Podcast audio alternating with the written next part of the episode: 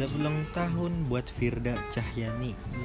Semoga panjang umur Sehat selalu Menjadi anak yang soleha Berbakti kepada orang tuanya. Semakin rajin Semoga cepat wisuda. Semakin dewasa lagi buat ke depannya. Jadi nggak bisa ngasih apa yang kamu mau. Mungkin dengan podcast ini Vivi senang.